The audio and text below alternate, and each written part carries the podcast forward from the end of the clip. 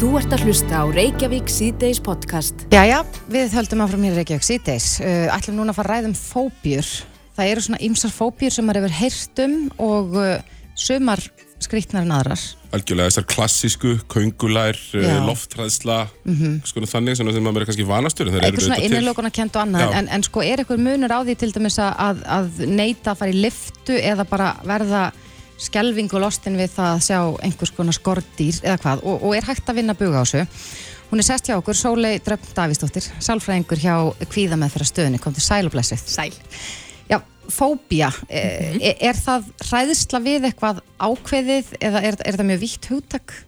Nei, þetta er og verið afmarkað hugtak að maður talar um afmarkaða fælni í rauninni eða sértæka fælni sem er ofsa hræðsla við eitthvað ákveðið fyrir bæri eða aðstæður. Þannig að það getur verið dæmis kongulær, hundar, það getur líka verið að vera í liftu eða já, hátt uppi til dæmis. Af hverju stafar þetta? Það eru ýmsar ástæð fyrir því. Það er við erfum kannski ákveðnar skapgerð, kannski tendast í kvíðan við fæðumst ekki með fælni. Þannig að einhver staðar hefur við lært að óttast þessi fyrirbæri. Það getur verið slæm reynsla, hafa verið bitin að hundi, hafa orðið ofsarhættu þá. Það getur verið að hafa átt foreldri eða eiga foreldri sem spennist allt upp í vissum aðstæðum sem að passa, segja mann að passa sig á hundum eða fríkar út til þessir kongulær. Það getur líka verið bara að hafa heyrt einhverja hryllingsöru af einhverjum. Sundu getur það líka verið harkaleg viðbröð annar eins og að vera einn stúlka sem fekk kongulafælni, íslensk stúlka vaknaði bandaríkjana með kongula upp í rúminu og, og fríka, eða var bara mjög róleg fyrst en svo fríku allir út í kringum hana, þetta var hérna eitru konguló og þá fór boltin að rúla. Akkurat. Er, er mikilvægt að grípa inn í snemma ef maður, ef maður sko, finnur þetta jafnvel hjá barninu sínu eða eitthvað slíkt að, að eh, reyna svona að telja fólki trúum að þetta sé ekki hræðilegt. Já, flest ef einhverju komið fælni á annar borð, þá er hún oftast komin til að vera með eitthvað sem gert til að upprætana. Þannig í rauninni, þó þessi mjög einfalt að laga svona fælni, þá eru mjög langvinn ef ekkert er að gert. En auðvitað getur líka gerst að börn taki einhverjar, kannski dillur í einhver tíma, hræðist eitthvað fyrirbæri svo líður það bara hjá. En ef allavega líður ekki hjá að þið jafna sig ekki, þá myndi ég segja að væri gott að, að svona markvist vinna að því að láta barni nálgast það sem það óttast í staðin fyrir að forðast það. Þú talar um þetta um nálgast það sem þau óttast, maður hefur séð svona kannski í, í bíómyndum og svona í dægur, dæ, í dægur menningu og, trættur við konguló, mm. farað að halda konguló. Mm. Það, það kannski, kannski útsýr fyrir okkur, skrefin eru kannski flóknari heldur en, heldur en svo í, í meðferð við kvíða, Já, að því að megum heldur ekki trilla fólk úr hræðsluðan að hlaupi út og koma aldrei aftur. Nei. Þannig að við erum náttúrulega þjálfuð í því að nálgast þetta í hægum skrefum. Þannig að við komandi upplifan hafi stjórn, þannig að við erum ekki að pína fólk til að gera neitt, það velur sjálft að taka stáðu hlutina. En það góða er að það má sko meðhaldlega ímis konar fælni bara á einu skipti sem tekur kannski 2-3 klukkutíma. Já. Hvað er, er, er, er einhver svona fælni algengar en önnur? e, kongulafælni er oft talin algengust. Og svo er ímislegt eins og lofthræðsla, hundafælni svona skorar frekar hátt. Þannig að oft er þetta aðstæður það sem að til dæmis einhvers konar dýr og oft tengist óttan með þau muni vinna manni megin, kongulóin eða slöngufælni líka Já. skorar hátt í topp 5 Já. Er þetta, er þetta svona, sem að, spyrja bara, er þetta, er þetta eh, fyrirbæri sem er oftar en ekki sjálfgreint af fólkinu sjálfu áður en það kemur eða er þetta eitthvað sem að einhvers konar sérfræðingur hefur sagt viðkomandi sem kemur síðan til ykkar eða hvernig, hvernig virkar það? fólk veit alveg að það er ofsarrætt og glimmi við fælni kannski eins og bara skítrætt við kongulæðir eða flug eða eitthvað svo leis en sko það kemur sjálfnast hér til miður og leita sér aðstur út af því það er oftast út af meira einhverju öðru þannig að fólki rauninni reynir að sniðganga þá bara það sem það hræðist koma sér hjá því sem er synd af því það er svo öflug meðferð til við þessu Já, eh, ég veit ekki hvers vegna en einhvern tímann var ég á netinu að skoða eitthvað og þá sá ég svona einhvern lista yfir alls konar fóbjur Já. og meðal annars sko fóbjur fyrir svona eins og litlum hólum, eitthvað trípófóbía. já. Er, er mikið af svona, svona, mér langar ekki að segja skrítnum en kannski sjaldgefum fóbjum sem að fólk leitar meðferða við. Sko það leita náttúrulega sjálfnast meðfyrir við einhverju svona, það eru til alls konar sjálfgefa fóbjur og þarf ekki nema bara að þú fáir kvíðakast einhverju ákvæmur aðstæðar, bladra springur þú, þú fær kvíðakast. Og þú þróa með þér kannski, já, eða fríkar út einhver tíma þú nála trúði að þá þá getur auðveldlega að þróa með þér fælnina, sérstaklega þú fer þá að forðast þetta sem um ræðir og svo framvegs og rekst kannski getur oft á það. En á þetta oftast uh, rót sína í einhverju sem gerist í barnæsku? Þetta getur oftast gerist í barnæsku, en það getur líka gerst á hvað aldrei sem er. Eða af einhverju slæmri reynslu. Þú segir að sé, þið er mjög öflug meðferð í þessu og þetta sé er nú bara eitthvað sem er hægt að, hægt að laga í, ef að segja, all flestum tilf, tilfellum, eins og þú segir. Um, þannig að fólk sem að hef, hef, hefur lendið því að þetta hafi mikil áhrif á lífið þeirra, það tröfli þeirra dælu og aðtæmni, eins og hundarhæðsla, minna, það er erfitt að fara lab, í labbitúr í Vesturbænum og þess að rekast á okkur 19 hunda. Þannig að hverju mælur er með að fólk bara fari og bara umsöða löst og byrja að hugsa hvernig það getur leitast í hjálpar? Já, fólk svo sem ræður því sjálf hvað það vil gera. Það er svona alltaf val hvers og eins, en, en það sem er kannski hindrar fólk stundum er það er kannski rætt við að það muni þá þurfa að takast á við það sem það óttast. En þá er svo mikilvægt að, að láta fólk vita af því að það stjórna ferðinni sjálft. Það er ekki tek, tekin af því ráðin það ákveð hvernig það tekur næsta skref og svo framvegs. Og oft þarf að útskýra, það var eiginlega að útskýra líka hver við bara fyrst þannig að fólk skilji af hverju það er óheppilegt að forðast hluti og hvernig það getur gert það á þess að verði of yfirþyrmandi. Akkurat, og þetta er þá bara svona hefbundnar eh, já, meðferði sem að, að notar eru við hinnum ímsu kvíðaröskunum. Já, það eru komna mjög sérhæfar meðferði við hverju kvíðar sko fyrir sig en við fælni, sérstaklega svona afmarkari fælni, þá reynum við ofta svona einnalótu fælni, einnalótu svona meðferð, þannig að það er eitt skipti, það getur tekið 2-3 tíma en þá er fólk oftast búin að tökum á því sem um ræðir. Já, eh, ég man En það hægt eftir er að skapa aðstæðunar sko. Akkurat, ég man eftir því svolítið að þú komst til okkar fyrir já, einhverju síðan og, og þá voru að tala um ælufælni og þetta Já. var nú bara í fyrsta skipti sem ég hafði heyrt af ælufælni uh, og þið voruð að fara að stað með einhverja rannsókn og, og fá fólk með einhverju leið til þess að reyna að, að uh, já, þróa svona mjög sérhæði meðferð við þessu. Hvernig hefur það gengið? Bara vel, bara mjög vel. Árangur alveg virkilega góður. Já, og eins kannski með, maður hefur nú heyrt af svona flughræðslu námskeiðum og annað þar sem að fólk svona fær bara meðferð við nákvæmlega því sem að, að það óttast. Já, og við erum einmitt með svoleiðis námskeið í hinnar samstarfi við Æslander. Já, já við bara hvetjum alla þá sem að eru með einhvers konar fælinni, hvort sem það eru uh, köngulær, æla eða eitthvað allt annað, að, að leita sér aðstofar ef þetta hefur uh, áhrif á líðar en svo leitur upp Davísdóttir, sálfræðingur hjá kvíðameðferðstöðinni. Kæra þakki fyrir komuna. Takk sem leis. Þú ert að hlusta á Reykjavík C-Days podcast. Já, það er nú uh, svona ansi óvennulegt held ég að á þessum tíma árs þeirra að uh, já, það er nýbúið að slíta þinginu og, og þá er ofta svona frekar rólegt í, í pólitíkinni. Alls ekki í þessari viku. Uh, Það var þetta stór frétt í gæra Svandi Sváðsdóttir, matvælar á þeirra, tók það ákvörun að, að kvalveiðar verið bannaðar í sumar í það minnsta og sagði að það þyrfti að, að skoða framtíð þessara atvinnugreinar.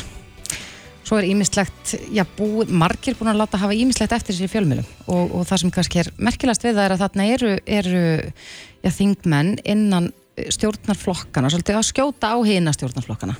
Já, heldur betur og jafnir ráðherrar eins og Sigurður Ingi gerði.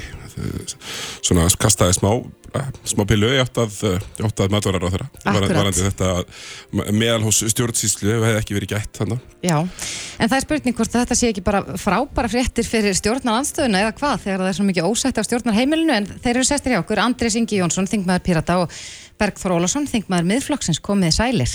Já, sælverið og gott að vera komin. Bergþór, kannski byrjum að þér, hvernig líst þér á stöðuna? Er, er mikið ósætt inn á stjórnarheimilinu eins og sagt hefur verið?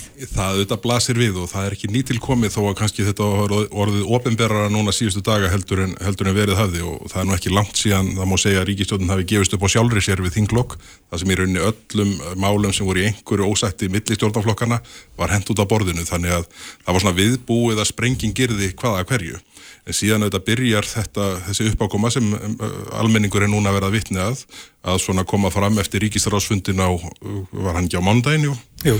Og þegar Bjarni Benditsson talaði sem með, með afgerandi hætti áður en, uh, um útlendingamál og síðan hérna, þessari, hérna, þessum orðum Jódísar uh, um hérna, fasismann í sjálfstæðarfloknum og síðan kvalveiði ákvörðun Svandísar í, fyrr, í, í gær og til dæmis varðandi ákvörðunum að banna kvalveiðar hver sem sko afstæða mannaði til kvalveiða. Nú er ég mjög fylgjandi þeim og ég ímynda mér að félagi minn Andri Singis ég ef, hafi efasendir ákveðnar, ekki miklar vona ég. Um tölurverðar. en, en alveg burt sér frá sko, skoðun fólks á kvalveiðunum sem slíkum. Þá er stjórnsíslan alveg forkastanleg og ég bara fordæmi hana uh, eins og hún likur fyrir. Það að þetta sé gert uh, innan við sólarhing áður en vertíð, vertíð á að hefjast uh, virði spendað til þess að það sé verið að reyna að valda eins miklum skada og nokkur kostur er.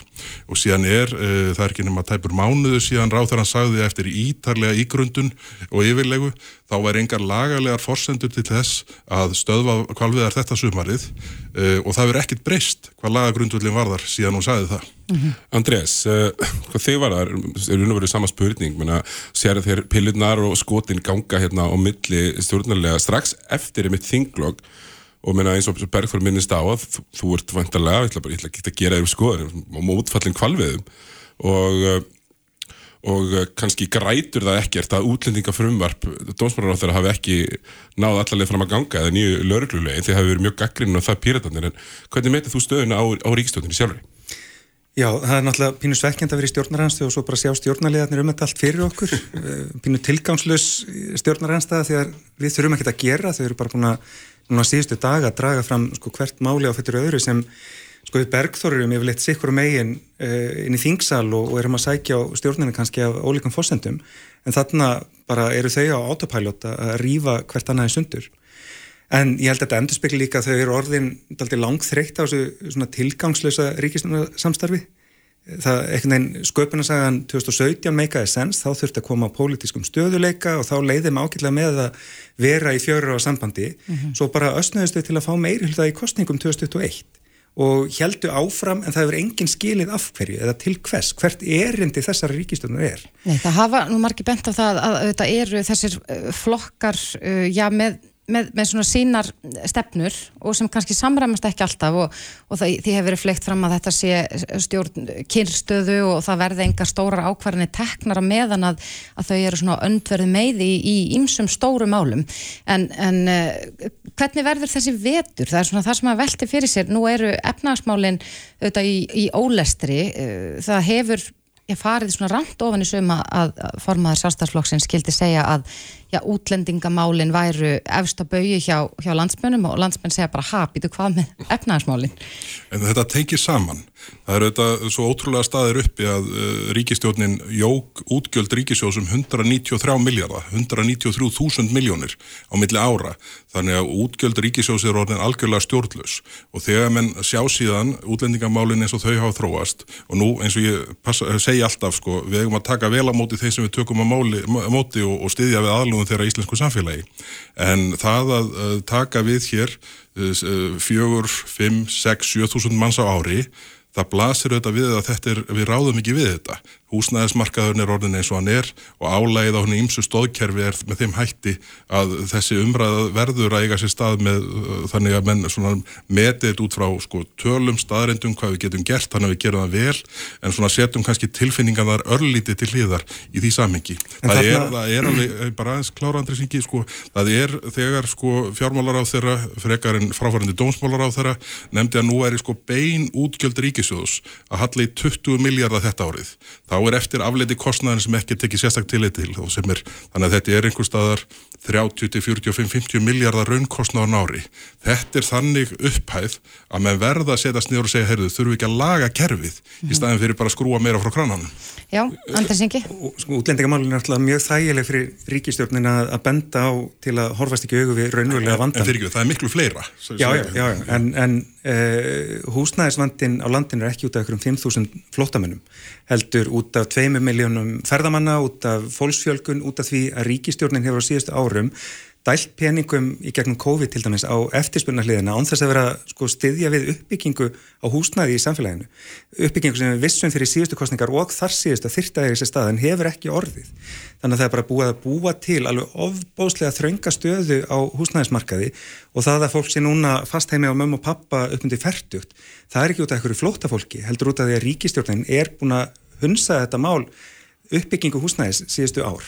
Og kostnæðurinn sem, sem Bergþór og, og Bjarni hafa ágjurað hann myndi náttúrulega snar lækka ef ríkistjórnum myndi hætta að finna alla leiði til að henda fólki úr landi myndi bara fara að e, nálgast hverja umsókn með svona já í hjartanu og sjá hvort sé ekki hægt að leysa málinn hratt þannig vegna þess að þannig þarf ekki að halda fólki á framfæri ríkisins, þarf ekki að halda út í búsetúræðum, þá kemst fólk bara út í samfélagið, út á vinnumarkað, getur staðið á eigin fótum og fyrir að leggja til samfélagsins. Bergþór myndist á gengdarlösa útgjálta aukningu í ríkisins, ekki bara í þessum málaflokki, heldur greinlega í, í mörgum öðrum. Þið í, stjórnarnastunum hafa hafið lungum nefnt tekjuhliðina líka, þau forðist að sækja auka, aukalega tekjur annar staðar. Hvar, er, er þetta kannski málið að þegar að þessi öndur í sjónamið mætast, þá þá hætt, hættir mönnu að sleppa því að taka ákvarðanir. Sko það er það sem að ríkistjóðin hefur sínt fram á núna bísna lengi, alveg frá því þau uh, framseldu allt valdsitt til uh, þrýekisins hérna í gegnum COVID-tímabilið. Þeim virðist bara hafa liðið mjög vel í því, því fyrirkomulagi og hafa ekki komist út úr því og virðast ekki geta tekið snúnar ákvarðanir.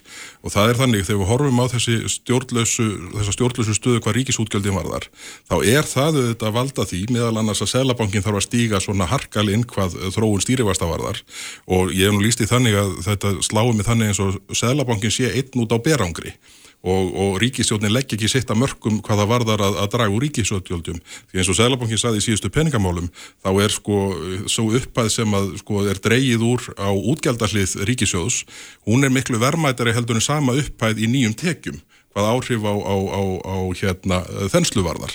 Og núna er ég hrættur um, ég finnst að bara blasa við, að verkefni sem ríkistjórnin stendur frammi fyrir í gegnum sömarið, það er að undibú og koma saman draugum af fjárlugum það verður ekki, ekki einfalt mál og þessi upptaktur af sumrinu og þessi, þetta orðaskag síðustu daga bendi til þess að, að, að þetta verði eitthvað skröðlegt í haust. Og ég held meiri sé að ríkistjórnin sé bara þannig samsett að þau get ekki veikt sjálfur í síðar aðhald. -hmm. Og upptakturinn í fjálugum, fjálugum er alltaf stóra verkefni hvers ásíða hverju ríkistjórna því að þar þurfa þau að ná saman um rekstur ríkisins næsta árið.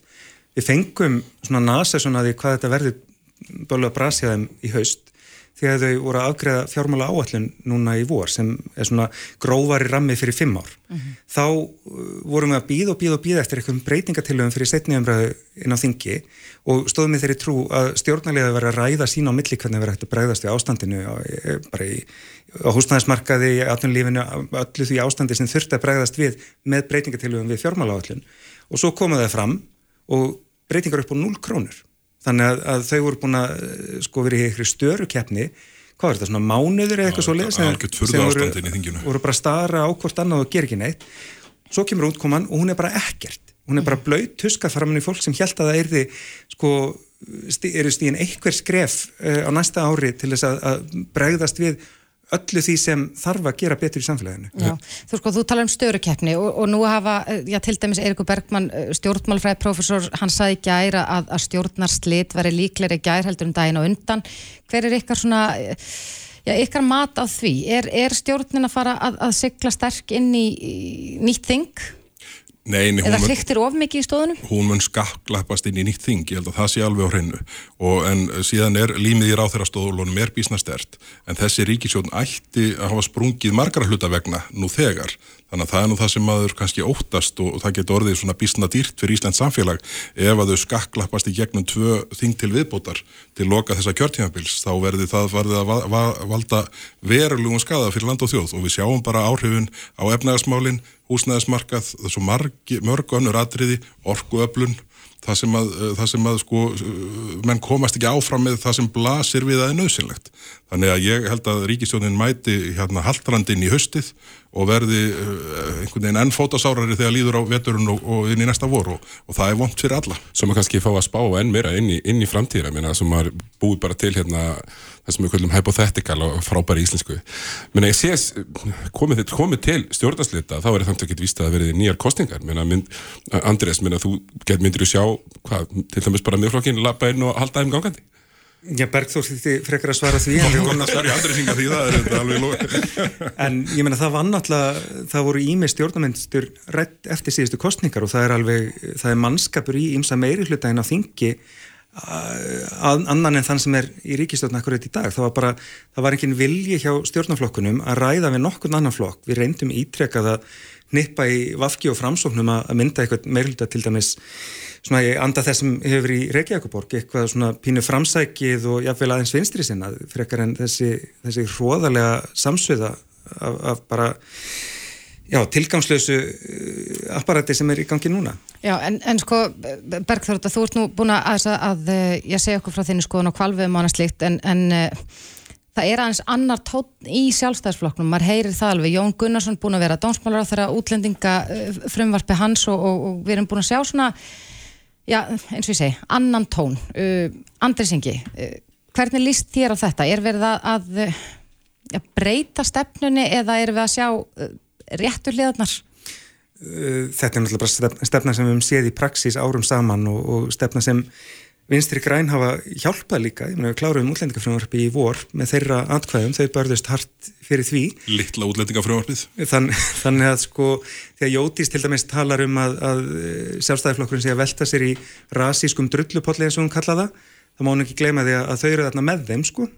Eh, þó að sjálfstæðiflokkurinn gangi núna fram og hveði eh, fastara orði en hann hefur gert kannski yfirleitt til þessa, þá er það bara til að sko, hilma yfir öll stóru málinn sem þau eru ekki að sinna. Þetta er bara mjög þægilegt mál til að, að dreifa aðtilinni. Ég meina Bergþór, akkurat þetta meina, að koma svona og segja svona strax eftir að þingi líkur hefði ekki verið mjög áhrifaríkar ef þetta væri eitthvað stefna sem henn hefði ætlað að, eða þetta væri áhersla sem, sem hefði átt að vera áhersla flokksins hefði ekki verið áhrifað mér að gera það þegar þing stóð yfir. Jú, það er nú það augljósa ísu að þetta er bara leiktjöld og það er svona verið að friða uh, heldur ég ákveðin hóp þarna stuðningsmanna sjálfstæðarflokksins sem að missa þarna Jón Gunnarsson út sem að að hópur taldi öflugastan þeirra ráðherra sem sem að voru í ráðherrembætti og hérna þannig að það er ekkit sem bendi til þess enn að það sín einn sérstökum meining á bakvið þetta. Og það er auðvitað áhyggjafni fyrir þá sem horfa líta þessi mál þeim, þeim augum sem ég og, og miðflokkurinn gerum. En eh, ég held að, held að eh, já þetta er svona Eh, þetta var undarleg tímasetning og, og sama mánu segja Jón Gunnarsson kemur í hérna ágættisviðtöl hér á Vísi held ég að það hefði verið á fymtudag það sem hann talar með í raun allt öðrum hætti heldur en hann hafði gert mánuðin undan. Og það eru þetta vantanlega kemur til af því þannig er hann vantanlega búin að fá upplýsingar um það, hann haldi ekki ráðirhembættinu og þá, þá þarf hann ekki lengur að huga að sko viðbröðum vinstri hreifingarnar græns frambóðs sem urðu síðan eins og þau raunin varð þegar Jótís eh, þingmaður vinstri græna kallar það allar rasista. En ég menn ef að sko þetta var tempraði Jón áður en hann hætti sem ráð þeirra, hvað hjálp okkur? Já, ég, ég, en ég held að Jón hafi þarna á 15. síðasta, í ágættis viðtali, talað svona nær því um hlutina og þeir eru heldur en hann hafi gert mánuðin það hefði Bjarni Bendiktsson stíðin í það með að þingi var enna störfum. En uh, já, þið er nú kannski ekki sammála með öll þeim málefni sem þið taki sem þið takki fyrir á þinginu Já, en, en, syngi. já, Fæst. fæst kannski en, en eru þið sammála um það eins og þú orðar það að, að stjórnum muni skakklappast inn í nýtting? Ég held að taka þetta á þrjóskunni menn, þau eru búin að hanga saman í sex ár og alltaf láta þau eins og þau eigi bara ekkert sameiginlegt mm -hmm. En þegar til kastana kemur þegar kemur að því að verja dómsmjörður á þeirra sjálfstæðiflokksins vantrösti sem Vafki hefur gert bara með brósáver tvísvar á þessum sex árum eða þegar kemur að því að samþykja breytingar á útlendingarlögum sem skerða mannrindi fólks og flótta þá, þá eru þau saman hönd í hönd.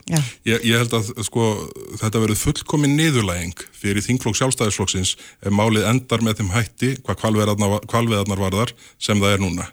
Nú er Viljámið Birgisson, verkarlýs leittói på Akrahansi, búin að búa til fundar á morgun þar sem þingmenn kjördaminsins og matvalar á þeir eru bóðuð og eflust einhverju fleiri. Uh, eins og ég segi, ef að, ef að málið enda með þeim hætti sem Svandi Svástóttir matvalar á þeirra skildi við það í gær, þá er það mesta nýðurlæging þingflokks sjálfstæðisflokksins og ráþærarlið sjálfstæðisflokksins sem ég man eftir í nokkuð langan tíma. Já, það verður spurt að leikslokum en Andris Ingi Jónsson og Bergþór Ólason kæra þakki fyrir komuna og við skulum já, sjá til hvort að stjórnin haldi og skakklappist inn í nýtt þing. Takk. Takk fyrir okkur. Takk. Þetta er Reykjavík C-Days podcast. Álag á heilbreyðskerfið hefur verið mikið til umræðu undanfarin missari og kannski ekki síst í heimsfaraldrinum sem að við munum all mjög vel eftir en þá. Já, þó maður reyni að, að glema þá hérna, kengur ekki svo glatt. Nei, en nú var verið að íta úr vör uh, já, nýju verkefni eða svona, svona átaki uh, á, og kynningar átaki á, á stór aukinni þjónustu og ráðgjöfum helsu tengd málefni í símanúmerinu 1700 ég fór nú með fleipur hérna á og ég sagði já ég held að það sé símanúmerið sem að ringir í til þess að fá samband við læknavættina, það er alls ekki sama númeri, það er 1770, höfum þá hreinu, en hann er sestur hjá okkur, Hjalti Már Björnsson, yfirlæknir á bráðumóttökunni, kom til sælu blessaður. Hjalti, við höfum nú áðurrætt við þig, til dæmis um álægið á bráðumóttökunni og, og ástandi á bráðumóttökunni hefur verið lengi til umræði. Mun þetta koma til með að auðvelda ykkur lífið? Þetta átak er eitt af mörgu sem verið að gera til að reyna að endurskipulegja og bæta helbriðistjónustuna hjá okkur. Það hefur verið lengi álag á ekki bara bráðamóttökunni, heldur gjörvalt helbriðiskerfið. Það vantar víða starfsfólk og hælsugæsluna og legudeildir og sjúkrahúsin og helbriðiskerfið allt. Mm -hmm.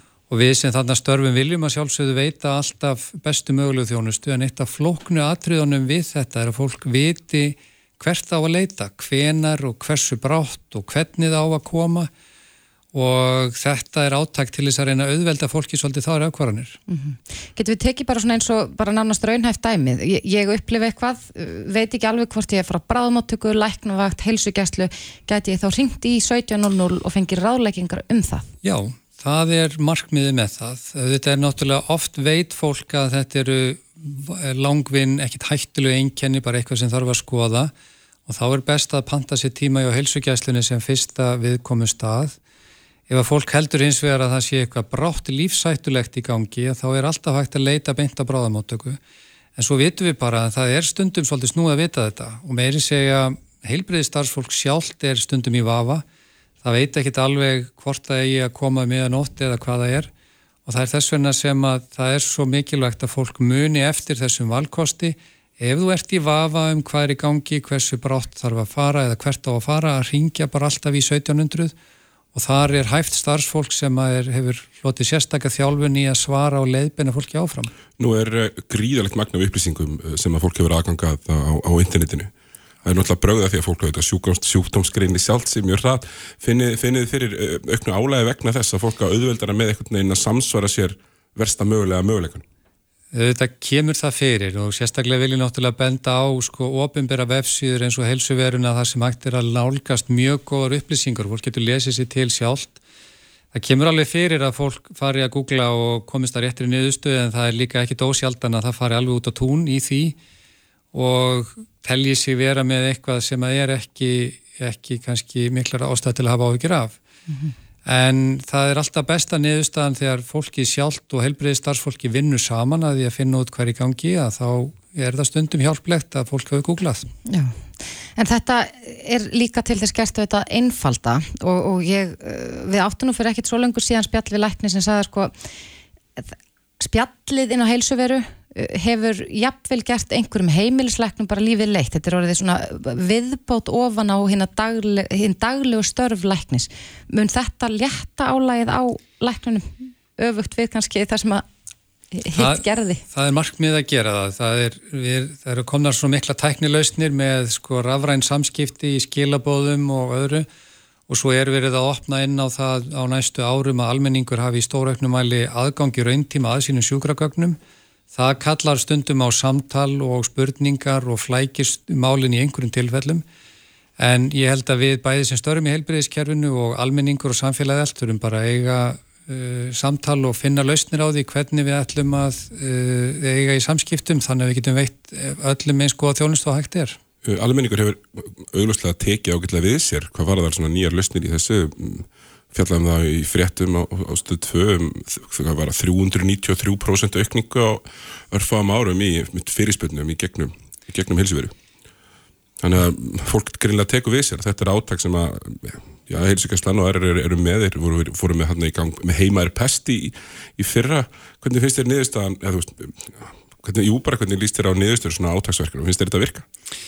Já, já, mér finnst þetta virka og eins og með alla nýjungar við þurfum bara að slípa þetta til og sjá hvernig þetta nýtist hjá okkur, við þurfum að læra á þetta, hvernig á að útfæra þetta, hver á að svara þessu, hversu, hvernig á að flokka þetta niður, hversu brátt þarf að sinna þessu.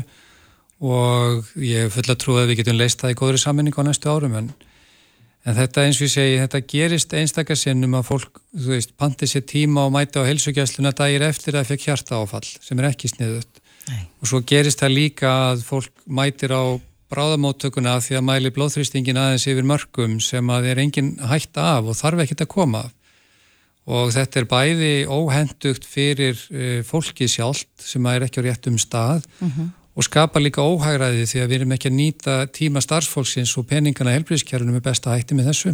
Nei. En eh, eins og við myndist á hérna ána, við talað áður saman um, stöðun á bráðumatökunni og, og uh, já, í fréttum erum við auðvitað alltaf að heyra af, af mikill um, fólksfjölgun, það er alltaf æg fleiri Íslendingar og svo eru þetta uh, mikill ströymur af ferðamönnum sem koma hinga til lands. Hvernig er staðan núna svona, þe- þegar að, já, sumarið er vonandi að fara að bresta á eitthvað tíma? Staðan á bráðamóttökunni og landsbítalanum og heilbríðskjærunni öll er bara áfram þung. Það vantar starfsfólk víða til starfa og þess vegna erum við uh, undir álægi við að halda uppi þeirri nöðsynlega þjónustu sem við viljum gera. Það hefur samt ekki orðin beilinist þjónustu brestur. Stundum verður meiri töf en við höfum vindum vilja sjá og við getum ekki veitt jafn góða þjónustu og við getum. En ég hef fulla trú á róttækum aðgerðum sem að stjórn landsbítalans og helbriðiskerfisins er að vinna að hvað mig varðar. Þannig að ég held að við munum finna út úr þessu og finna jafnvægi á næstu árum. Heldur að vera ekkert mál fyrir fólk að vera með á hreinu hvort þú er að ringja í 112 eða 1700 eða 1770? Jú, þetta verður alltaf grásvæði, alltaf spurning og þess vegna erum við bara að minna á það. Við erum þarna í helbriðiskerfið, erum við síman, við erum tilbúin að hjálpa og það er betra að ringja fyrst ef maður er í einhverjum vafa um hvað er best að gera. Til þess erum við. Já, en eins og áður auðvitað, eins og þú myndist á Sigur Rári að, að ef það er um neyðar tilvíkja ræða, að þá ringir fólk áfram í 112. Að sjálfsögðu, einn eitt tveir er langt best ef fólk er með veit að það er eitthvað hættulegt í gangi og síðan er alltaf hægt að koma beint að bráða móttöku ef að fólk hefur miklar áhyggjur en málið er að ef það er í vafa að nýta sér þessar ágjafa þjónustu. Það er svona helstu skilabóðin sem við erum að senda út í dag. Já, við skulum vona að þetta gangi vel. Hjalti Már Björnsson, yfirleiknir á bráðumóttökunni. Kærar þakki fyrir komuna. Takk. Þetta er Reykjavík C-Days podcast. Já, já, við höldum áfram og, og nú ætlum við að snú okkur að, já, líka heilbriðsmálum má segja. Við vorum nú að tala við hann Hjalta Már Björnsson hérna rétt að hann um, um uh, já, þetta átak sem er að fara í gang með símanúmeri 1700 ef maður er í vafa um hvert maður á leita, ringja þangað. En í dag fjall dómur í hérastómi Reykjavíkur og, og hjúkurnafræðingur á landsbítalum var síknaður af ákjærum að hafa valdið dauða sjúklings á geðdild spítalans fyrir tveimur árum og uh, já, þetta er umræða sem hefur átt sér stað áður Þetta er ekki fyrsti dómurinn sem að, sem að fellur í svona máli. Nei. Og Það sé vissulega örgla eitthvað sem að fólk einan helbæriskeinas hefur verið að hugsa um lengi. Já, og uh, ekki bara hugsa, heldur líka uh, sitja í starfshópi sem að Viljum Þór Þórsson uh, skipaði í og hann er sestur hjá okkur Theodor Skúli Sigursson, formaður félags sjúkrahús Lækna, kom til sætla blessaður Já, daginn, takk, takk. um, Sko fyrir, fyrir þá sem skilja ekki alveg um hvað þessi starfshópur snýst þetta, þetta er í raun og veru þannig eins og við sjáum hér að hér er uh, kona ákærð eins og í þessu máli, ákærð fyrir að valda dauða sjúklings og, og það er auðvitað alvarlegt út af fyrir sig að, að sjúklingur skildi að dáið en, en þið í þessum starfshópi eru það að uh, já, svona reyna að endur rammaðir hvernig refsi ábyrð heilbrið starfsmanna er eða hvað? Það passar. Þetta er, reyndar, eh, það var þetta langur aðdraðandi að þessu máli alveg, og niðurstöðu dagsins í dag. En þá sem sagt í kjörfar svipasmáls sem að, að gerist 2012, þá fór ákveð ferli í gang og sá, það má leiti til síknu, hjúkunarfræðin sem var ágerð uh, fyrir manndráp Mm uh, í starfi. Og uh, í framaldi þegar ég vinnu þá var búin til sem sagt, skýsla starfsópur um alvarlega atviki helbæriskerfinu og þar var laðar til nýju liðir um, um úrbætur sem þurfti að ráðast í. Og þessi hópur skilaði störfum 2015 en svo veginn lendi skúfu og glemtist og þrátt fyrir þrjá helbærisraðara þá gerist ekki neitt. Þar til að Viljum Þór Þórsson tók þetta mál upp á sína arma og hann á heiðu skilin fyrir það að, að setja stað þennan starfsóp reyndar eftir ákall helbriðstarfsfólks að því að við vissum öll að spórin hrætt og við vissum öll að það væri bara spurningum ekki hvort heldur hvenar svipamál kemur upp aftur. Og það þyrfti að vera búið að slípa þessa umgjörðum refsa ábyrð helbriðstarfsmanna og mikilvægast öllu fannst okkur þó að það væri margstæðist að taka til að það var for- forgangsmál að koma er það svo kallar hlutlega refsa ábyrð en það félur í sér að að verði þess að kerfisbundi mistök þar sem er raun einstakur starfsmæður lendir í því að vegna bresta í kerfinu mannekla eða, eða annað með búnað og þess áttar leiði til þess að verði alveg atvikið að jafnvel andlátt að þá sé ekki starfsmæður sem, sem, sem sakvöldu fyrir það tekið fyrir út fyrir svegan það sé kerfið og það þurfi sérst að setja og setja inn í lög eh, þetta ákvæði sem er raun varpi ábyrðin á í raun yfirmenn og stopnarnir mm. og jafnvel sjálfan ráð þeirra hilbriðismóla Eh, hafi ekkert verið gert. Akkurat, í, í fréttum þegar þetta mál var fyrir dómi að þá meðal annars staðfesti fórstjóru landsbytalans að aðstæðar á getild hafi verið ófullnægandi mm -hmm. uh, og, og innri rannsókn á spítalum leitiljós að sko vaktin var undirmönnu þá mikið ála á starfsfólki fyrirmæli voru ekki að skila sér uh, sjúklingur ekki vist að vera heppilegum stað mm -hmm. og þá hafði uh, svo sem síknuð var í dag unnið 19 vaktir á 16 dögum. Já fyrir sko mig sem vinn mínar vaktir hér maður skilur vartla hvernig hægt er að vinna 19 vaktir á, á, á færri dögum. og, og illgjöranlegt. Þetta er, sjálfur hef ég sjálf tekið allt og allt og marga vaktir í rauð og, og ála kervisins er þannig að það er þannig til eins ítræstu mm -hmm. og það er kannski eina ástæðan fyrir að við stígum fram til eins félag sjúkráðslagn og frá, í tvö ár frá því að tóku þessu formar byrjaði strax að í að þessum uh, leiðréttingum og lagfæringum vegna þess að í raun er það að mannekla kervisins að hún er komin að hættumörkum.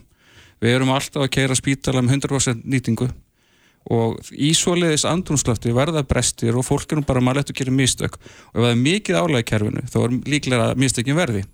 Þetta er augljóslega kervislegi þættir sem þarf að bæta og við höfum bent á það að það verður til þess að setja inn í þetta og bæta þetta þurfa að setja inn fjármagn og, og bæta starfsastöður helfristarfsfólks Þannig að félagsjúkrafslarna sendi strax fyrir tveim árum sem frá sér álíktur um þetta mál og svo settu grein í vísi þar sem við íttum á landlegni og heilbreyðisráðar um að gera einhvað þessum málum og svo heldum við málþingum þessum mál. Og svo fór svona að koma að skriða þetta og viljum við tók við og þessi starfsópi var skipar og ég var þá hluti af sagt, þeim starfsópi sem í raun fulltrúi starfsmæður landsbytalans, ekki lækna heldur fulltrúi starfsmæður landsbytalans. Og við fórum í þessa vinnu og, og hún hefur gengið mjög vel En, en þetta tekur allt tíma og kannski eina ástæðan fyrir að þetta tekið þennan tíma og þetta er ekki tilbúið í dag er það að menn kannski fór allir fram úr sér að menn fór að vinna í öllum nýju þáttunum í staðin bara þessum eina mm. sem var hlutlega kervislega ábyrðin. En þetta er bara byrtingament og það er gætlan talað um hjúkurnafræðinskortin sem allir vita uh, en það er sami skortur á öðrum heilbristjöftum uh, og að sýttölunar benda til þess að ef við tökum bara læknút fyrir sig þá er það eina heilbristastinn sem OSCT segir að sé skortur á Íslandi og við sjáum það þegar við förum inn í sömur það tala um það vantu á þúsundir vakti hjúkurnafræðinga en það er nú bara þannig að læknar eru dagunum en við röðum okkur bara vaktinnar þannig að ég er að fara inn í sömarvinnu sömar sem nú er ég görgast hjúkurnafræðingur neða görgastu læknir. Og þannig að þá förum við bara úr því að vinna 173 tíma á, á mánuðu upp í 225 tíma við bara mönnum okkar vaktir, tímabundið. Það lítur samt að vera bara hagsmunamál fyrir vennlegt fólk að þegar þú mætir á heilbriðstofnun að þar sé ekki starfsmæður á 27. tíma í vinnu. Það er gríðilega mikilvægt mál og þess vegna er það svo mikilvægt að við finnslýpum alla vaktalínur og til og með svo mínu vinnustar eftir ég kom heim fyrir tæpum 6 árum síðan þá fóru við strax þessu úrbætur. Uh, við sáum það að sérfræðingarnir á á allt og við fórum í því að bæta við stöðugildum, breyta vöktum komið vekk fyrir það að menn væri að vinna heilu sólarhingana. Mm -hmm. Það var þannig að menn voru að vinna heilu helgarnar. En í dag er alltaf minnidelt að við erum búin að breyta kernuna. Þú getur bara unni eitt sólarhingi senn og þú fær alltaf garantera kvíld.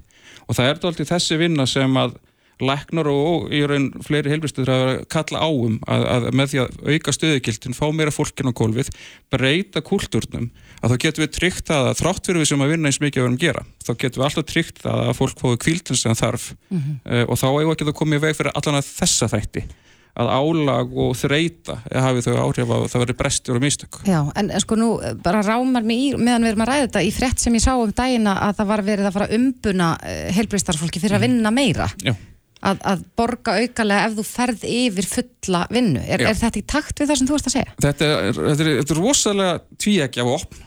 Þetta er, þetta, þetta er svona hljóða myndfæri ekki alveg saman hér. Mm -hmm. En það sem gerist einfallega á sumurinn er það að, að fólk þarf sitt sumafrí. Það þarf að fara og þá, þá er losnarum ákveðin fjölda á akta.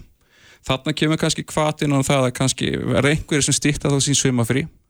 Eh, það er þá einstaklingar sem eru kannski ekki fullir í vinnu en taka þá á sig fullavinnu tímabundið á meðan að það er ástand á vinnustæðanum og krísa mm -hmm. en alltaf finnst mér mikilvægt að, að, og það er þá í raun á ábyrð yfirmanna og stofnunarinnar að passa upp á að engin starfsmæður fari svona yfir línuna hvað var það að vinna yfir sig og, og aukið líkunar á hættunum því að verði mistök.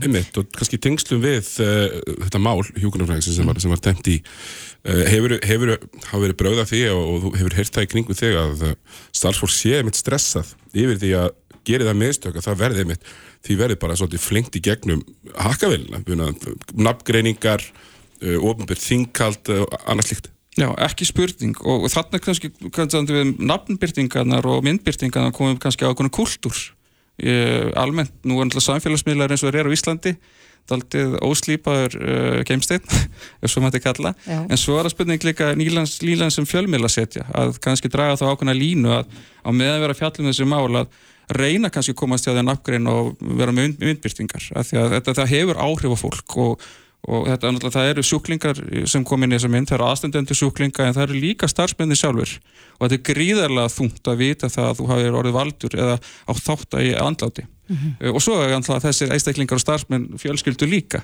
þetta smitar út frá sér og hefur áhrif á allt saman Já. þannig að það er opbúðslega mikilvægt að, að við búum til einhvers konar umgjör það sem að, og ég raun öryggismarkmið og, og öryggismál mm -hmm. að starfsmenn sem lendir svona atvikum eða verði mistök þóra að stíga fram og segja frá og sjálfur hef ég lengt í því og það er ekkert langt síðan lengt í því að það er raunglífjökjöf að minni deilt eh, starfsmæður kemur strax og viðkennum mistökin að því að viðkennum mistökin að þá getum við strax stíð inn og leiðrétt þetta, gripið inn í ferlið og þá er engi skæðið skeður. Í umhverju þar sem að allir óttast að verða refsað eða tekni fyrir þá stýgur fólk ekki fram á viðkennum mistök. Mm -hmm. við erum algjörlega þá algjör, algjörlega hulið hvað við gerst og við lærum ekki af mistökunum. Og það er nú bara mannlegt að gera mistök og það hafa fara verkverðlar eins og núna til dæmis að geðdeldinu skilsuna sem er búið að gera leirittingu á verkverðlum mm -hmm. og minniteild er það að gerast reglulega að það verði uppákomur þar sem við fínslipum verkverðla til að koma með þetta vekk fyrir mistök Já. þetta er það sem óttumst að fyrir við hennar refsikultúr að þá læri við ekki að mistökunum og öryggismenningin hún líði fyrir það Bara til þess að árétta það að, að þessa breytingar sem þið eruð að vinna að og viljið um þessa hlutlægu refsi ábyrð þetta á að sjálfsög ekki við um, um, um sko já, vítavert gáleysi af hálfu helbriðstarfsmanna eða jafnvel ásetning? Alls ekki, það eru mál sem er algjörlega aðskilin frá þessu, tekin út fyrir svega þetta snýst um þessi mistök þar sem að það eru kerfislega mistök eða maður kannski segja einfalt gáleysi þar sem að maður óarkjöður ánt lif, einhvað þess áttar en án, alveg án ásetnings. Og það er, það er bara verið að tala um það að ég raun að strömlínuslega ferlið.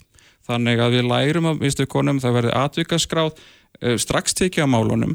Þetta er mikilvægt taksmunamál fyrir sjúklinga og aðstættendur sem að þá fá hraðar úrlausn á þessum málum. Mm -hmm. Starfsmæðurinn þarf ekki óvissi í 2-3 jæfnvel 4 ára með að vinna málið og öll hans fjölskylda sem býður skada fyrir þetta. Þannig að þetta er gríðilega mikið mál að, að við förum inn og, og tökum utanum þessi mál. Já.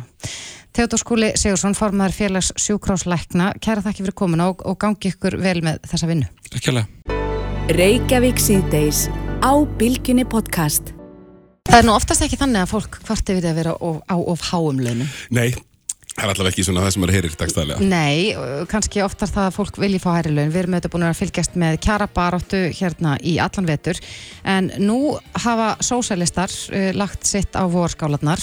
Trausti breið fyrir Magnússon, borgarfylltrúi sósælistaflokksins Hann sagði í pistli sem hann reytaði hann á vísi að, að laun borgarfjöldtrúa væru allt of há og uh, að það þurft að breyta þessu fyrirkomulegi þegar kemur að launa hækkunum þeirra. Já eins og þetta er núna hækkaðu eins og við skiljum þetta tveisvar ári í, í samræmi við launavísitölu. Já og þá eru það prósentunar sem ráða. Heldur betur og fyrir fólk á þessum launum er svo prósentahækkun jafnvel ansi vegleg. Já.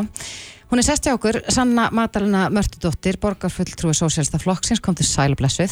Sæl. Já, þið voru að ræða þetta í borgarstjórni gæru og lögðuð til að, að í fyrsta lagi að, að já, þessi hækkun sem á að koma næst, hún verði eitthvað endurskoð en svo að fyrirkomuleginu reynilega verið breytt. Mm -hmm. Við vildum í rauninni sko fresta þessari launahækkun sem á að koma núna í júli og verið greitt út í ágústurunni viljum við ekki taka við þessari launahækkun og okkur finnst sko þegar við erum að fá hækkanist tviðs og svona ári ofan á þessi hágrunnlaun sem -hmm. eru já, vel yfir 900.000 á mánu að þá er þetta alltaf hálun. Þannig að við vildum bara aðeins segja stopp, endur skoða þetta og í rauninni endur skoða svona launastefnu kjörina fulltrúa og launastefnu bara hjá borginni og fyrirtækjum og vegum borgarinnar til að tryggja sér eitthvað svona samræmi á milli hæstu og lagstu launa. Já, nú er gagsæðið í launum ofinbæra aðlega eins og, og stjórnmálamanna ofta ekkert sérstaklega mikið. Þú talar um grunnlaunin, svo setur fólk í alls konar ráðum og svo er það kannski í stjórn eitthvað skonar borgarfyrirtækja, stjórn fagsaflóhafna eða eitthvað, eitthvað slíkt. Mm -hmm. Þannig að gagsæðið er ekkert sérstaklega mikið en það er alveg hægt að, alveg hægt að halda því fram að borgarfulltrúar, sérstaklega sem eru í fullustarfi, hefur séu mjög vel launar. Hvernig var tekið í, í, í þessa tilhör? Sko þetta er ekki fyrsta skipti sem við sósílistari leggjum til að við endur skoðum launin og það var, það er sérstaklega alltaf tekið í að þannig að hérna það er ekki að staðfesta neitt að það sem við komum fram með en núna var sérstaklega samþygt að skoði rauninni þessa hækkun sem ákoma núna í júli og svona skoða hana eins og svona ef ég skil skilabóð meiri hlutans rétt að þá uh, eigi að tryggja að við séum ekki að fá meiri hækkun en um það sem var samið á almenna vinnumarkaðinum, þetta er 66.000 krónar þak, mm -hmm. þannig að þarna líti svo á að meiri hluti borgarstjórnar sé að viðkenna það að það sé eðlilegt að skoða okkar launahækkanir í tengslum bara við svona það sem er að gerast í samfélaginu og það er þá svona hérna lítill sigur að, það, að þau séu tilbúin að skoða það. Já, við fylgdum stöðuða með umræðinum daginn þegar að verð var að ræða um, um sko laun... Uh Helstur, helstur áðamanna og það eru þetta háar upphæður og, og, og svo voru gerðar breytingar þannig að launahækkanarna verða ekki eins miklar og, og e, áætla var. En e, sér þau fyrir þér að þessi launahækkan á, á að koma til kastana bara núna næstu mánaðmótið eða hvað? Og því verður þá breytt? Já, svo að launin hafa alltaf hækkað í janúar og júli eftir í hvernig launavísitalan þróast. og og kemur þá til greiðslu í ágúst og við myndum helst bara vilja að við værum ekki að fá þessa launahækkun þá en það er sagt, þessi tíma lína að það sé vera skoðirunni fyrir greiðslu í ágúst sem að á núna leggja áherslu á mm -hmm. en okkur finnst bara að það þurfa að endur skoða bara runni hérna allar þessar uh, leiðir sem eru notaðir til þess að ákværa launin okkar og meiri hlutin í borgarstjórn tala mikið um að þetta hafi nú verið endur skoða sínum tíma, við höfum verið tengt við hérna, þingfara kaupið og það sem að kjara ráða sínum tíma ákvað en borgarstjórn hafi svona ákveð 2017 að fara aðra leið og tengja við launavísutölu en eins og við erum að segja að þegar þú ert að þetta háum grunnlaunum til þess að byrja með og færð álagsgreislur að þá bara erum við ekki takti við veruleikan, við erum ekki takti við fólki sem við erum að vinna fyrir og lálunahópana sem að hérna, hafa fengið þau skilabóða þau þurfum svona að vera ekki að byggja um allt og mikið og samt eru þau að halda öllu gangandi hérna í borginni. Þannig að já, við myndum svona vilja hérna endur skoða þetta allt saman og sérstaklega emitt sko álagsgreislur eins og það er kallað ofan á laun, ég meina við fáum grunnlaun fyrir að sinna vinnun okkar og við teljum að það ætti í sjálfu sér að vera nóg. Og hérna sérstaklega eins og við skoðum mjög háa álagsgreisli sem við fórsetið borgarstjórnarfær sem er um 481.000 krónur á mánuði ofan að þessi grunnlaun sem er um 960.000 og svo jáfnvel önnur álagsgreisla fyrir að sitja í e, þreymur áðum eða nefndum. Þannig að þetta er mjög sérstakt að þessi mánalega greisla sem er hærri en lægstu laun. Mætti launastruktúrun vera bara flatari yfir línuna að, að, að það eins og Sigur Róri myndist á einn áður sko ekki kannski íkja mikið gegsa í því að, að þú sinnir einhverjum störum hér og einhverjum störum þar og svona telur þetta saman og við sjáum heiminn hafa upphæð. Mm -hmm. Það er sko þetta að sjá á heimasíður Reykjavíkuborgar uh, fyrir þeir sem hafa áhuga laun borgarfylltrú á hvað þau fá í rauninni en mér finnst alveg eðlilegt að við værum bara með laun fyrir það að vera borgarfylltrú og það er bara ímisverk sem við sinnum þannig ég held að sé ekki að telja eftir því sko hvort við séum í þremur nefndi með fjórum við erum alltaf bara eigum að vera fulli við því að hérna laga þessa borg þannig ég held að þetta bara vera eitthvað svona grunn laun sko. Uh, Nú, nú hugsa maður um sko að eh, borgarfjöldrúar í, í bara í stóra saminginu, þetta er, þetta er hátlauna fólk þetta er hátt, hátti í þessum efstu tekju tíundum eins og, eins og maður segir mm -hmm. er kannski bara allt í lagi að, að þess, þetta fólk á þessum háu launum fylgja ekkit endilega launavísitölu, er ekki bara allt í lagi að þau jafnvel séu rétt undir henni? Já, ég er bara alveg samla En hvernig, ef, ef við sko, þeir að leggja til breytingar líka í framhaldinu, ekki bara fyrir þessa hækkun sem á eiga sér staðnum í sömar mm -hmm hverslags fyrirkomulag væri ásættanlegt að ykkar mhm, mati? Mhm. Erum við að tala um krónutöluhækkanir, erum við að tala um uh, lægri prósentur eða engar mhm. prósentur? Mm -hmm. Sko við viljum aldrei skoða þetta samingi og tryggja að hæðstulegin í borginni sé þá ekki um, ákveða herran legstulegin og þar höfum við verið að tala aldrei um viðmið sem væri hérna þrýra móti einum. Þannig að hæðstulegin sem eru greitt hjá borginni sé ekki herri en þreföld legstulegin. Við höfum svona eh, setta fram og, og óska eftir umræðu um þessi viðmið. Því við viljum auðvitað bara ræða þetta og ræða við aðra borgarfulltrúa og, og fá einhverju svona lendingu. og þannig að það væri í rauninni þá þetta svona hildar samingi en við sér satt lögðum til í rauninni og við myndum bara fara í vinnu við þetta, bara borgarfulltrúar og fá þá í rauninni fulltrúa uh, frá verkalýsfélögum og samtökum launafólk svona til að setjast niður með okkur og leita til þeirra og spyrja bara hvernig getum við útfært eitthvað svona hérna, fyrirkomulag sem var svona meiri sátt ríkir um. En það var ekki viljið til þess að skoða það þannig við bara svona höldum áfram að, að reyna að koma þessu áfram og, og svona tala okkur niður á betri og, og réttlátari niðurstuða því að þetta náttúrulega gengur ekki við séum á þessum háum launum Já, sumi myndir nú segja og myndu afgreða þetta sem ákveðin, ákveðin populisma mm. að segja, hér eru, eru, eru borgarfjöldrónum er alltaf hó laun við sósialistar viljum að þeir séu með læri laun og síðan einhvern veginn neyða þá þá sem eru hæslaunar í kerfinu meiri hlutan og borgarstjórn og fórstur borgarást til þess að þurfa að svara fyrir sín mm. eigin, eigin háu laun í staðin fyrir að halda einhvern veginn strúttunum. Mm -hmm. Sko ég held að þetta sé bara greiðlega mikilvægt réttlæðismál og líka sko þegar við erum í hagraðingar aðgerðum í borginni og þá hefur við verið talað um að þurfa að velta við öllum steinum og skoða hvernig við getum hagraðikt en þetta er einhvern veginn steinar sem maður alls ekki velta við, steinarnir sem eru í gardinum hjá okkur. Þannig að uh, við skoðum bara við hefum getað sparað um 29 miljónir fyrir árið 2023 ef að við hefum ekki tekið á móti þessum hækkunum sem sagt mm -hmm. borgarfulltrúar og þá fyrstu varaborgarfulltrúar þannig að okkur finnst alveg eðlilegt líka í ljósi þess að, að hérna, það er svona verið óskæftir í að borgarfulltrúar leggji fram tilur til hagraðinga í ljósi fjárhástöðu borgarinnar að þá finnst okkur þetta líka mjög eðlilegt bara í því ljósi og við sjáum líka bara að önnur sveitafélög hafa verið að fara e, þessa leið að lækka sín laun út af bara hérna, efnaðstöðinni og líka í kjölfar um, kórunu veru faraldur sinns þannig að þetta er alveg leið sem hefur verið farin mm -hmm. Rétt aðeins í lókinsanna, við erum alveg að falla tíma en, en uh, hvernig er það að vera í, í minnilhuta í borginni og, og vera sífæltarinn að berjast fyrir einhverju sem að, að kannski næri ekki fram að ganga? Já, það er alveg, hérna, tekur áhengi og mann er bara kraft að heyra í fólkinu í borginni og, og hérna, og geta svona flutt þeirra málinn í borgarstjórn og, og kynst allir fólkinu í borginni sem að svona er að segja okkur hvað þurfa að laga og maður fær styrkinn frá þeim. Akkurat. Já, það verður forrættanilegt að fylgjast með hvernig þetta verður útvært en Sanna Madalena Mörtudóttir, borgarfulltrúi Sósélastaflokksins, kærar þakki fyrir komuna. Takk. Hlustaðu hvena sem er á Reykjavík C-Days podcast. Já, höldum að fara mér í Reykjavík C-Days Það er sumar sólstöður hóttis. Já, þetta er merkilegt.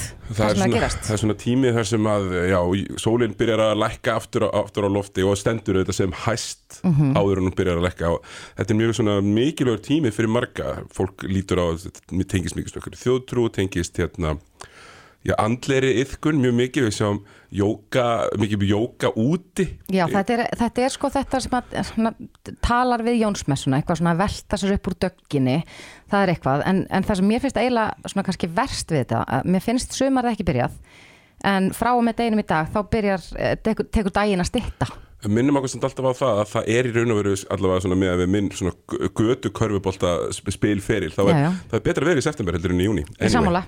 En það er ímislegt að gerast í tilöfni af sömar sólstöðum meðal annars uh, mjög merkilegur viðburður sem við tölum reynda líka um í fyrra sem heitir hoppað í napphelduna kallum það hópubrúðköp Hópubrúðköp, skindibrúðköp, ég veit það ekki. Inga Öðbjörg Strömland, formaðar síðmyndar er hinga komin, kom Já, þetta er, þetta er svona ákveðin tímamót, árið eitthvað neina hálnað og, og daginn að stitta, er það þess vegna sem að hoppaði nappeldunar þessum degi? Uh, já, reyndar, að því að, að sagt, í dag er líka heimstagur humanista sem er alltaf á sumarsólstöðum. Já, já, og, og sko þegar við höldum upp á jólinn þá höldum við upp á vetursólstöðunar, þannig að sólstöðunar eru svona kannski mikilvægara í humanistum heldur en, heldur en mm, Jónsmessa, Kristmessa, allt þetta og, og þess vegna völdum við þennan dag til þess mm -hmm. að, að bjóða upp á þennan goða viðbyrð. Og hvernig fer þetta fram? Eh, sko, reyndar langa með að byrja það að spyrja, hvernig gekk í fyrra? Við höfum ekkert heyrt í þess að við tölum eh, um þetta þá.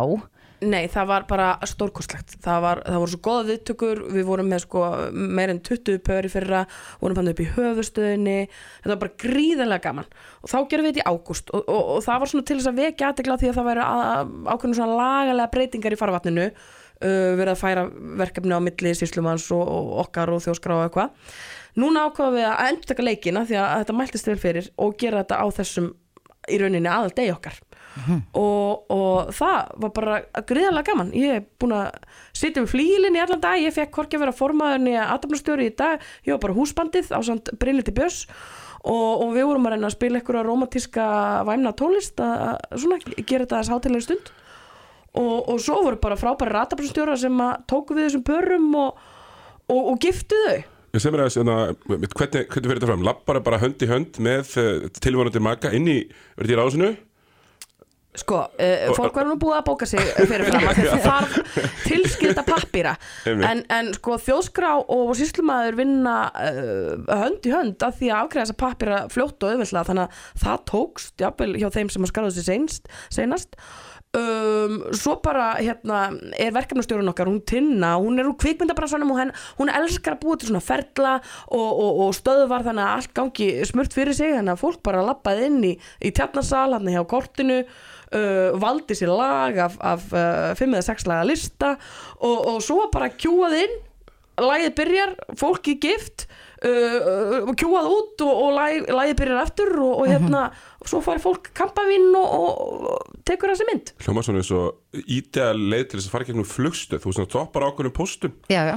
Veist, Já, hér já. þarf það að Svona, ákveðin færiband að vinna án þess að, hljóma betur, veginn alltaf mjög ný manneski svona einhver ákveð manneski sem tekur á móti þér og fylgir þér þetta var, var þægilegt þannig að- okkar megin var þetta allt þaulskipulagt en ég held að pörin hafi ekkit endilega upplifað þetta þannig ég held að þau hafi bara notið stundarinnar dável. Hvað voru þetta mörg pör, tára á segirðu? hvarmi og fleiri þetta voru nýju í dag nýju pör.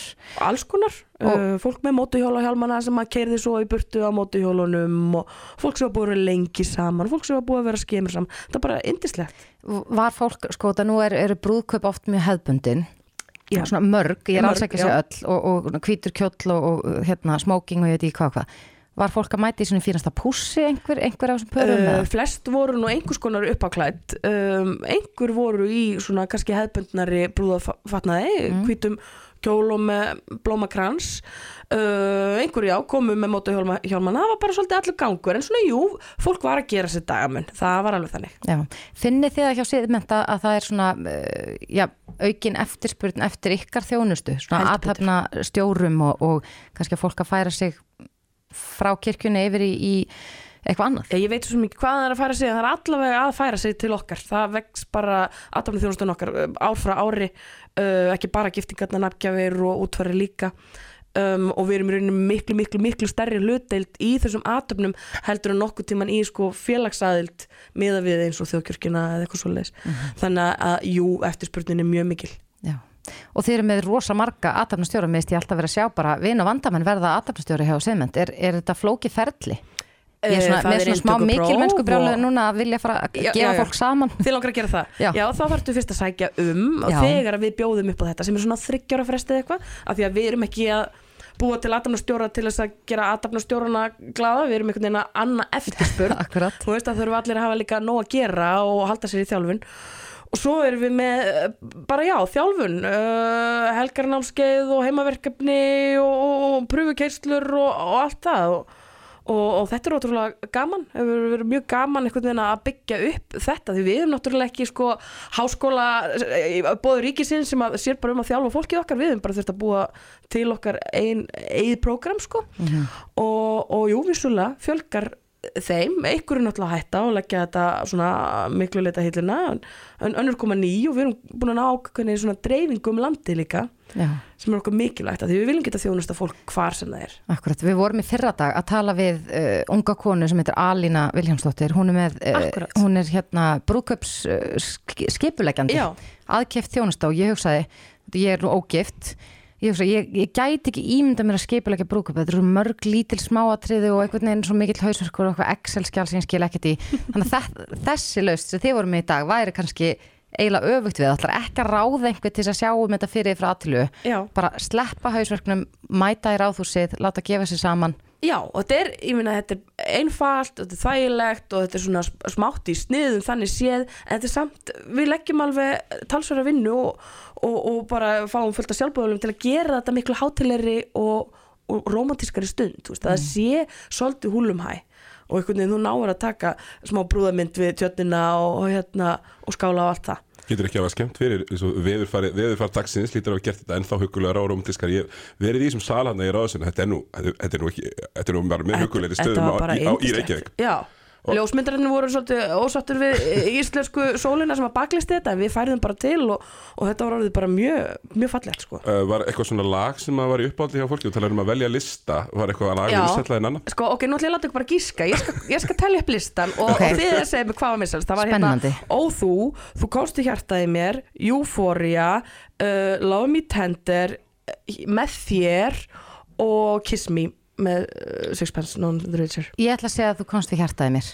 Með Eða þér, með þér. hjá Bubba Herðu, það var að sjálfsögðu, þú komst í hjartaði mér sem að þrjú pörvöldu uh, fjögur, fjögur pörvöldu. Ég hefði örgulega valið Euphoria sko. enginn valdi með þér sem að er þó svona kannski mm. vinsalasta uh, En kannski er það ofnótað Já, sko, ég Ég er held, að, ég held að sko titillin sé á generískur Ég held að Já. fólk fatt ekki hvaða lag þetta er Ég er nefnilega hefur verið að spila í brúkum og þetta er mjög, með þér mjög, mjög Mjög. Þetta er náttúrulega dásamlega fallegur texti með Já. þér er vorið indislegt og sumari dýrðin ein ég væri er- alveg til í að einhver myndi segja svona um mig sko. Já, já, segjum tvær Já, Settu það á tindri mitt Er það ekki? það? Einhver sem er til í að segja nei þetta ég gleymi því ekki þegar ég uh, sagði ekkert að, að hérna, uh, lægjans Bubba, annað lag með Bubba sem er nú rosalega fallegt er hérna, það er stólu úr mér hvað heitir, bara fallegasta lag í heimi sem hann samti um þáverandi konu sína Það er gott að elska það er gott að elska Já. Það, það bara, ég byðla til þess að, að minn heittelskaði sem ég eitthvað svona ljóðum mig er það ekki? Jú. Herðu, gaman að þetta skildi að hafa gengið svona vel og þið stefnið eflust á að, að hoppa í hnapphelduna aftur, eða hvað? Jú, ég vona að þetta verði bara árvis viðbyrður og við munum bara halda áfram að þróa þetta fyrir bara áfram. Þetta var með skoðusti mjög skemmtilegt og ég kem alveg allsæl út í, í daginn sem er náttúrulega nánast óendalega langur. Þannig að já, ég hugsa það. Já, Inga Uðbjörg Strömland, formaður síðmyndar, kærar þakkir fyrir komuna. Takk fyrir að bjóða mér. Reykjavík síðdeis á Bilginni podcast.